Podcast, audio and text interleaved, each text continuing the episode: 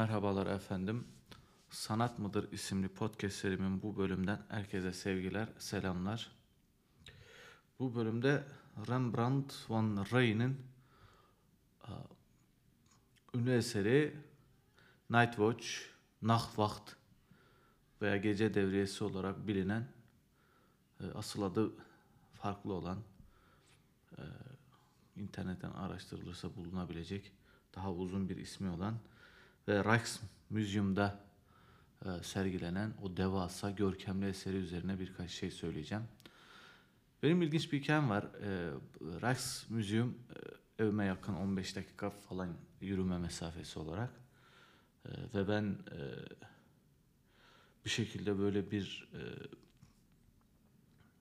Rembrandt hayranı herkes gibi az biraz sanatla ilgilenen herkes gibi ve bu eserin hayranı olan e, birisi olarak e, ilk görünmek için ilk defa gideceğim zaman müthiş bir yağmur yağmıştı.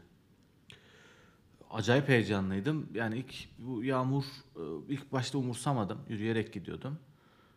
Daha sonra bu iyice azıttı yağmur ve müthiş ıslandım. Tabii o sırada insanlar ben ıslandıktan sonra artık olan oldu deyip yürümeye devam ettim. Ee, ama e, herkes işte sağa sola şeylerin altına, bu çatıların altına falan kaçmıştı. Ben öyle sokakta deli gibi gidiyordum. O halde ıslak böyle perperişan olmuş bir şekilde gittim. Tabii şu anda bir restorasyon var. Ee, bilenler bilir bu şeyin, bu eserin e, bir hikayesi var. O da şudur.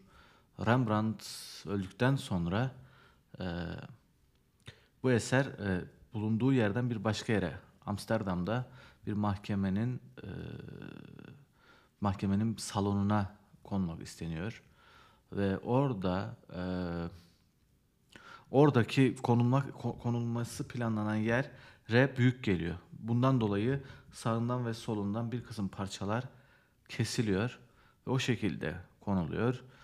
Ee, tabii bunun daha sonra bu fark ediliyor. Daha da yine eser bazı restorasyon çalışmaları geçiriyor vesaire.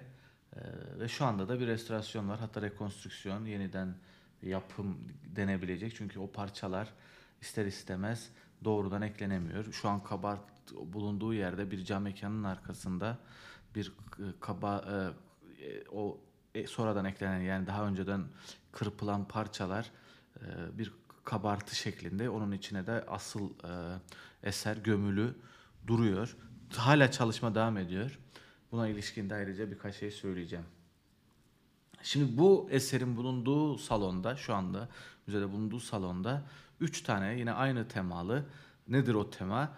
O dönemin devriye birliklerin, askeri birliklerinin bir kısım e, şey, devriye birliğinin e, multi portresi bu. Multi, multi portresi. Ama bunu diğerlerinden ayıran bir hareketlilik var. Ee, dediğim gibi bu hususlar, bu, bu eserin özelliklerine dair hususlar internetten araştırılırsa e, bulunur. Ben bunlara çok girmeyeceğim. İşte bu hareketlilik hususu da orada çok ilginç bir şekilde sunulmuş. Esas e, değinmek istediğim noktalardan biri bu. Yanında üç tane aynı temalı farklı e, ressamlara, sanatçılara ait eser var. E, bu tabi bu eser tabi biraz daha büyük, devasa. Diğerleri de büyükçe ama bu daha da büyük. Ve bu diğerleri çok durağan çünkü bir poz verilmiş diğerlerinde açık. Eğer o salona girdiğinizde ilk baktığınız eser Rembrandt'ın eseri ise diğerlerinin durgunluğu daha da artıyor. Yok diğerlerine bakarsanız daha sonra dönüp Rembrandt'ın eserini incelemeye başlarsanız Rembrandt'ın eseri daha da hareketli oluyor. Nedir bu hareketlilik? Bir poz verme yok. Bütün karakterler bir hareket anında hem duygusal hem fiziksel olarak ve bir an için sırtınızı dönerseniz esere e, sanki bambaşka bir pozisyona geçeceklermiş gibi hissettiriyor. Tabii bu işin e, onun etkileyici olmasının, o devasa yap, e, eserin etkileyici olması. Tabii bu etkileyiciyi arttıran bir unsur daha var. Bu restorasyon sonrası bir cam mekanın arkasında yani bu bulunduğu salonda bir cam mekanın arkasında. Bu bence daha da görkemli hale getirmiş. Çünkü diğer eserlerin tamamına çok daha yakın bir mesafeden bakabiliyorken buna o kadar yaklaşamıyorsunuz. Bunun kapladığı alan o cam, mekanlı alanla birlikte çok daha büyümüş çok daha müthiş bir sunum halini almış. Bu da çok daha çarpıcı olmasını sağlıyor. Rijksmuseum'da diğer eserler, Van Gogh'un eserleri ve diğer eserlerin arasında bu baş yapıt halinde. Zaten hem Rembrandt için hem Hollanda Altın Çağı için başyapıt, masterpiece bir eser bu. Evet. Tam bu noktada bir şey daha ekleyeyim. Bu eserin tam karşısında iki salon tam karşı karşıya düşünün. Ortada iki salon var. Burada farklı farklı eserler sergileniyor. Tam karşı tarafında iki salon sonra bu eserin restorasyon çalışmasını yapan insanlar halkın görebileceği yani gidip ziyaretçilerin gidip görüp izleyebileceği bir şekilde yine bir cam mekanın arkasında bu restorasyon çalışmalarına devam ediyorlar. Sanki bu da bir sanat eseriymiş gibi orada bir pozisyon almış durumdalar. Bir tür performans sanatı sergiliyorlarmış gibi. İşte tam şu, bu noktada şu soruları arka arkaya sormak gerekiyor. Bir, bu restore edilmiş eser bu haliyle çünkü Rembrandt'ın elinden çıkmamış ve bu haliyle yapılmak niyeti bir sanat eseri üretmek değil, bir eser, eseri restore etmek ve yepyeni bir şey çıkıyor ortaya etrafı biraz daha kabartılı ve ortasına gömülü bir resim var. Bu haliyle bir sanat eseri midir? İki, tam karşısındaki restore çalışması yapan insanlar bir performans sanatı sergiliyor olarak çünkü sunum itibariyle baktığımız zaman tüm o etrafındaki eserler gibi bir duvarın dibinde bir cam ekranın arkasında ve izlemeye açık bir şekilde bir restorasyon çalışması yapılıyor. Ee, ve bu bir performans e, olarak görülebilir mi? Twitter'da bunu e, ben iki tane fotoğraf var bende. Tabii ben e, iyi bir fotoğrafçı değilim ama kendimce bir perspektiften çektim. Twitter hesabımda paylaşacağım. Bu kaydı çok daha sonra dinleyenler için elbette ki internetten Rax Museum'un sitesinden veya e, aplikasyonunda aplikasyonundan bu dediğim şeyler görülebilir. Çünkü bunu anlatıyorlar. E, bu operasyonu, bu restorasyon operasyonunu. Bir başka husus da şudur. Yani bu, bu, bu hem az önce sorduğum iki soruya ek olarak bir sanatçı bir eseri icra edip bitirdikten sonra bir kere zaten o eseri icra etme sürecinde tahmin edeceğiniz üzere sürekli yeni bir fikirle bir yeni bir pozisyona e, eserini getiriyor. Yepyeni bir duruma getiriyor ve kimi sanatçılar ilk başta planladıklarından çok daha başka bir şey olduğu olan eserlerini beğenmeyip e, ortadan kaldırıyorlar. Şimdi bu haliyle bu sanatçının düşündüğü eserle bugüne gelen bu eser arasındaki fark. Mesela sanatçı görse acaba bunu kabul edecek mi? Yani Rembrandt bu halini görsün. Çünkü bak çok bakın çok daha ilginç. Dediğim gibi internetten araştırılacak, araştırıldan bulacak şeylerden bir bilgi daha. Ee, bu eser diğerlerin gibi gün içerisinde yani yanında bulunan diğer üç eser gibi bu devriye dediğimiz şey gün aydınlığında aydınlığını tema olarak incelemiş bir eser. Ama restorasyonlardan sonra renk değişiminden sanki gece imiş gibi bir hale gelmiş ve bundan dolayı Night Watch deniyor veya gece devriyesi Türkçe'de. Yani böyle olunca bu eser aslında aslıyla hiç alakası olmayan bir eser. Ve bu tamamen restorasyonlar sonrası geldiği bir konu. Ve yine o cam ekranın arkasında sunuluşu yepyeni bir mod kazandırmış. Yani bir tür yaralı şeyi, yaralı bir şeyi sanki tedavi etme süreci Öyle bir izlenim var. Çünkü insan oraya girdiği zaman bütün bu hikayeyi de işte o e, oradaki yüzbaşının bir kimse tarafından bıçaklanması bu şeytandır diye bir adam gidip bıçaklıyor falan. Tüm bu hikayesini okuyup buna gidip yanında bakınca yanında izleyince bu eseri müthiş bir acı hissediyorsunuz. Yani orada gerçekten işte Rembrandt'ın bu eserin e, sanatçısının 10 e, sene e, safahat içerisinde eseri yaşamasına ama daha sonra tabii ki e, bu salı vermekten dolayı e, bir fakirliğe, yoksulluğa düşmesine bir sebep olan bir eser. Hollanda Altın Çağı'nın devasa eseri. İnsanlar gidip baktığı zaman, izlediğiniz zaman müthiş heyecanlar yaşatan şu haliyle bile bir eser. E şimdi onun orada o cam mekanların arkasında restore edilmeye çalışılması, kurtarılmaya çalışılması müthiş bir acı hissettiriyor insana. Evet, şimdi kendi cevaplarım, bu az önce sorduğum sorulara kendi cevaplarımı verecek olursam, ilk başta bu şu anda cam mekanların arkasında bulunan o iki sağından solundan kabartmayla e, içine gömülü eserin, asıl eserin durumuna bakacak olursak, üç aşamalı bir e, süreçten bahsetmiştim birinci podcastimde. O süreci burada da işletebiliriz. Evet, bunun sanat eseri olduğu yönünde bir şüphem var. Ne demiştik? İlk aşama bir eserin sanat eseri olduğu yönünde bir şüphenin olması. Evet böyle bir şüphe uyanıyor.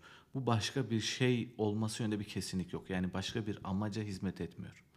İkinci aşamaya geçecek olursak hem e, müzedeki sunuluşu hem oraya gelip etrafındaki insanlar hem de bulunduğu konum itibariyle bu bir sanat eseridir dememe sebep olacak tetikleyici unsurlar var.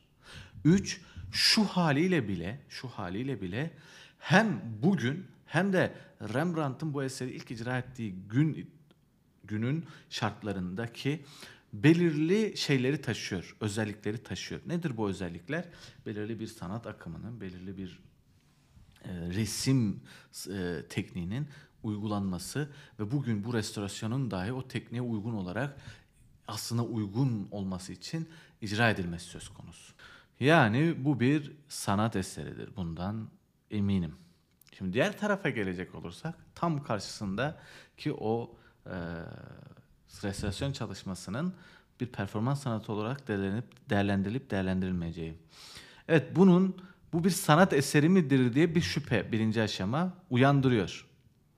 Ama ikinci aşamada benim bunun bir sanat eseri olduğunu söylememe yarayacak, böyle bir şey düşündürecek herhangi bir tetikleyici unsur yok.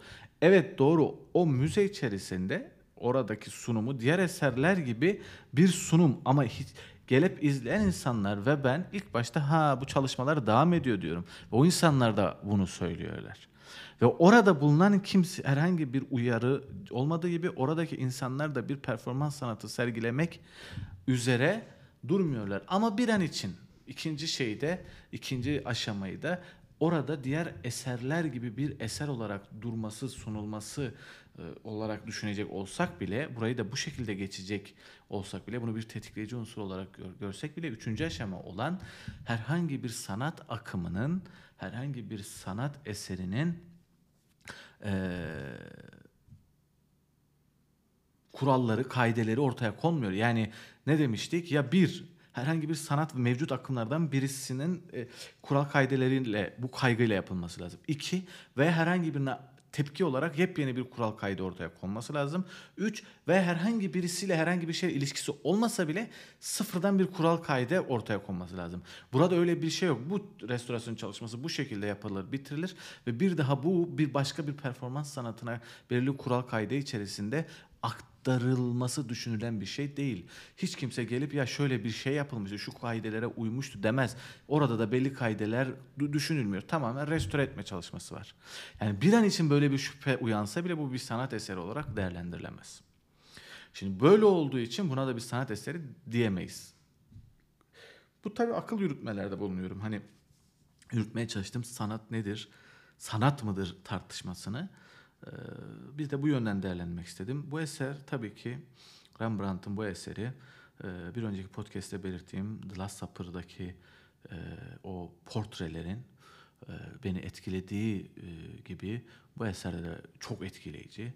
Devasa olması ayrıca etkileyici ve kullanılan işte teknik ayrıca etkileyici. O hareketlilik ayrıca etkileyici. Ama şu anda belki bu ne kadar süre bilemiyorum. Şu anda bu restorasyon sürecinde bambaşka bir büyü katılmış gibi o cam mekanların arkasında e, bambaşka bir büyü katılmış gibi duruyor.